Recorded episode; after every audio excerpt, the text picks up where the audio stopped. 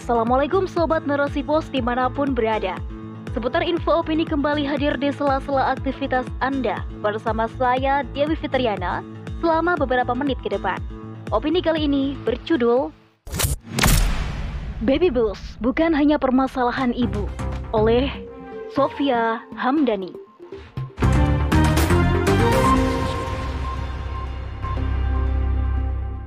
Kelahiran sang buah hati tentu menjadi sebuah momen yang ditunggu-tunggu bagi setiap orang tua. Meskipun demikian, tidak sedikit orang tua khususnya ibu yang justru mengalami kesedihan atau gangguan mood yang parah pasca melahirkan. Kondisi ini biasanya disebut dengan baby blues syndrome atau postpartum distress syndrome. Masalah ini sering menyebabkan seorang ibu lebih emosional dan sensitif setelah melahirkan. Belakangan, gangguan kesehatan mental ini cukup tinggi pada populasi ibu hamil, menyusui, dan ibu dengan anak usia dini. Indonesia sendiri menempati angka tertinggi ketiga di Asia. Hal ini terungkap dalam data laporan Indonesia National Adolescent Mental Health Survey 2023 bahwa 25% wanita di Lampung mengalami gangguan depresi setelah melahirkan. Selain itu, Hasil penelitian Andrianti 2020 mengungkapkan bahwa 32% ibu hamil mengalami depresi dan 27% depresi pasca melahirkan. Adapun penelitian skala nasional menunjukkan 50 sampai 70% ibu Indonesia mengalami gejala baby blues.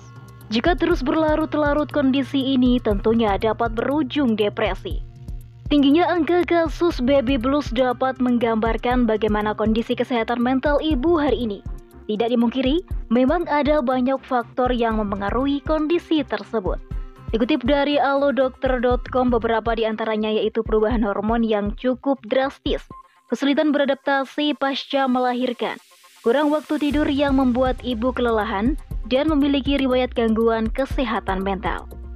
Adapun beberapa faktor yang membuat risiko baby blues ini meningkat yaitu mengalami kehamilan yang tidak diinginkan, merasa rendah diri, kecewa terhadap pasangan, minimnya support dari keluarga, dan mengalami kecemasan dan stres saat melahirkan. Selain faktor tersebut ternyata ada faktor lain yang juga hampir luput dari perhatian, padahal cukup krusial. Hal ini terkait dengan kesiapan menjadi orang tua dalam mengemban amanah baru, yaitu memikul tanggung jawab dalam mengurus anak-anaknya. Apalagi di sistem sekuler hari ini nyatanya tidak sedikit pasangan yang siap menikah, namun ternyata tidak siap untuk menjadi orang tua. Padahal, sebagaimana yang kita ketahui bersama, bahwasanya menikah itu sepaket dengan menjadi orang tua. Sebenarnya setiap calon ibu berpotensi untuk mengalami sindrom baby blues. Namun untuk meminimalisinya, tentu tergantung bagaimana kesiapan setiap pasangan dalam membina rumah tangga dan menjadi orang tua. Sayangnya, persiapan ini tidak cukup hanya dengan mengikuti seminar pelatihan atau pembekalan pranikah saja menjelang pernikahan. Akan tetapi, ada proses panjang untuk membentuk setiap perempuan agar siap menjadi istri sekaligus orang tua dan ini perlu dipersiapkan sejak dini melalui pendidikan. Lalu, mengapa banyak perempuan yang siap menikah namun tidak siap menjadi ibu? Sehingga hal ini membuat mereka rentan merasa cemas tatkala dihadapkan pada kondisi pasca melahirkan. Sobat, hal ini dikarenakan kurikulum pendidikan Indonesia tidak menjadikan kesiapan menjadi orang tua sebagai salah satu kompetisi yang harus dimiliki. Bahkan, pendidikan hari ini justru semakin jauh dari nilai-nilai agama yang dibutuhkan sebagai pegangan hidup. Walhasil hidup hanya disandarkan pada nilai-nilai materi semata. Jangankan menanamkan kesiapan menjadi orang tua, untuk membentuk kepribadian generasi yang bertanggung jawab terhadap diri mereka sendiri pun tidak mampu terwujud oleh kurikulum hari ini. Kehidupan yang telah dikuasai oleh sistem sekulerisme kapitalisme tidak lagi memperhatikan peran ibu sebagai sesuatu yang sangat penting. Hal ini tampak dari bagaimana sistem kehidupan hari ini mengurangi bahkan tidak memberikan support sistem bagi seorang ibu. Peran ibu hanya tampak secara fisik, namun hilang dari segi esensi lantaran tidak dikaitkan dengan keimanan dan minimnya pemahaman agar perannya yang besar. Sehingga ketika menjalankan peran tidak sedikit perempuan yang merasa keberatan dan terbebani akan kehadiran anak. Dalam Islam seorang ibu memiliki kedudukan yang sangat mulia. Ini dikarenakan betapa beratnya beban yang dipikul oleh seorang ibu. Dari fase kehamilan hingga persalinan, Allah Subhanahu wa taala bahkan menggambarkannya dalam Quran surat Luqman ayat 14. Bismillahirrahmanirrahim.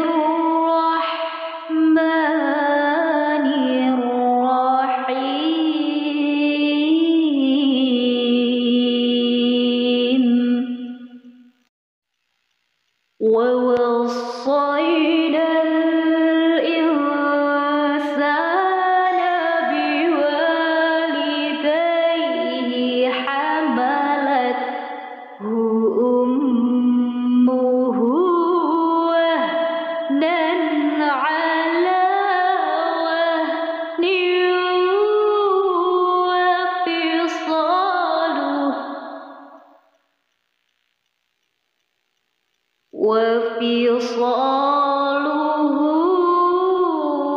في عامين أن اشكر لي ولوالديك. أن اشكر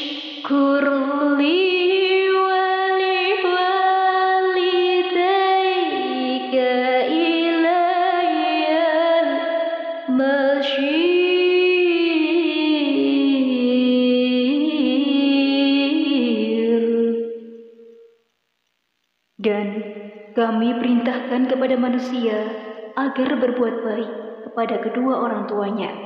Ibunya telah mengandungnya dalam keadaan lemah yang bertambah-tambah dan menyapihnya dalam usia dua tahun. Bersyukurlah kepadaku dan kepada kedua orang tuamu. Hanya kepada aku kembalimu. Oleh karena itu, setiap calon orang tua harus memiliki persiapan. Namun, untuk mempersiapkan generasi penerus yang berkualitas, ternyata tidak dapat terwujud hanya dari pendidikan keluarga saja. Lagi-lagi, negara memiliki andil dan tidak boleh berlepas tangan terhadap hal ini. Beberapa hal yang perlu dilakukan negara yaitu menerapkan kurikulum pendidikan berbasis akidah Islam. Ya, kurikulum pendidikan Islam sangat komprehensif dan sesuai dengan fitrah manusia, sehingga mampu menyiapkan setiap individu yang mengemban peran mulia sebagai orang tua, termasuk madrasah pertama bagi anak-anaknya. Tujuan dari pendidikan Islam sendiri yaitu membentuk kepribadian Islam pada setiap individu dan membekalinya dengan sakofah Islam. Kemudian, negara juga perlu menerapkan sistem politik ekonomi Islam yang mensejahterakan, sehingga setiap keluarga tidak lagi stres dalam memikirkan masalah kebutuhan pokok seperti sandang, pangan, papan, kesehatan, pendidikan, keamanan, karena negara sudah menjamin terpenuhinya kebutuhan tersebut secara optimal dan dapat diakses dengan mudah. Selain itu, support system berupa lingkungan masyarakat yang islami juga menjadi hal yang tidak luput dari pengaturan sistem Islam. Begitupun peradaban Islam bisa membangun masyarakat yang peduli dan terbiasa amar ma'ruf nahi mungkar sehingga support sistem terwujud optimal dalam masyarakat Islam. Dengan penerapan syariat Islam secara menyeluruh, maka kemaksiatan dan kerusakan juga akan menurun seiring terwujudnya masyarakat yang bertakwa dan teguh dalam keimanan. Tentu, negara yang peduli terhadap masa depan generasi seharusnya serius dalam mengatasi kondisi ini. Apakah hukum jahiliyah yang mereka kehendaki? Dan hukum siapakah yang lebih baik daripada hukum Allah bagi orang-orang yang yakin? Quran Surat Al-Maidah ayat 50 Wallahu a'lam bishawab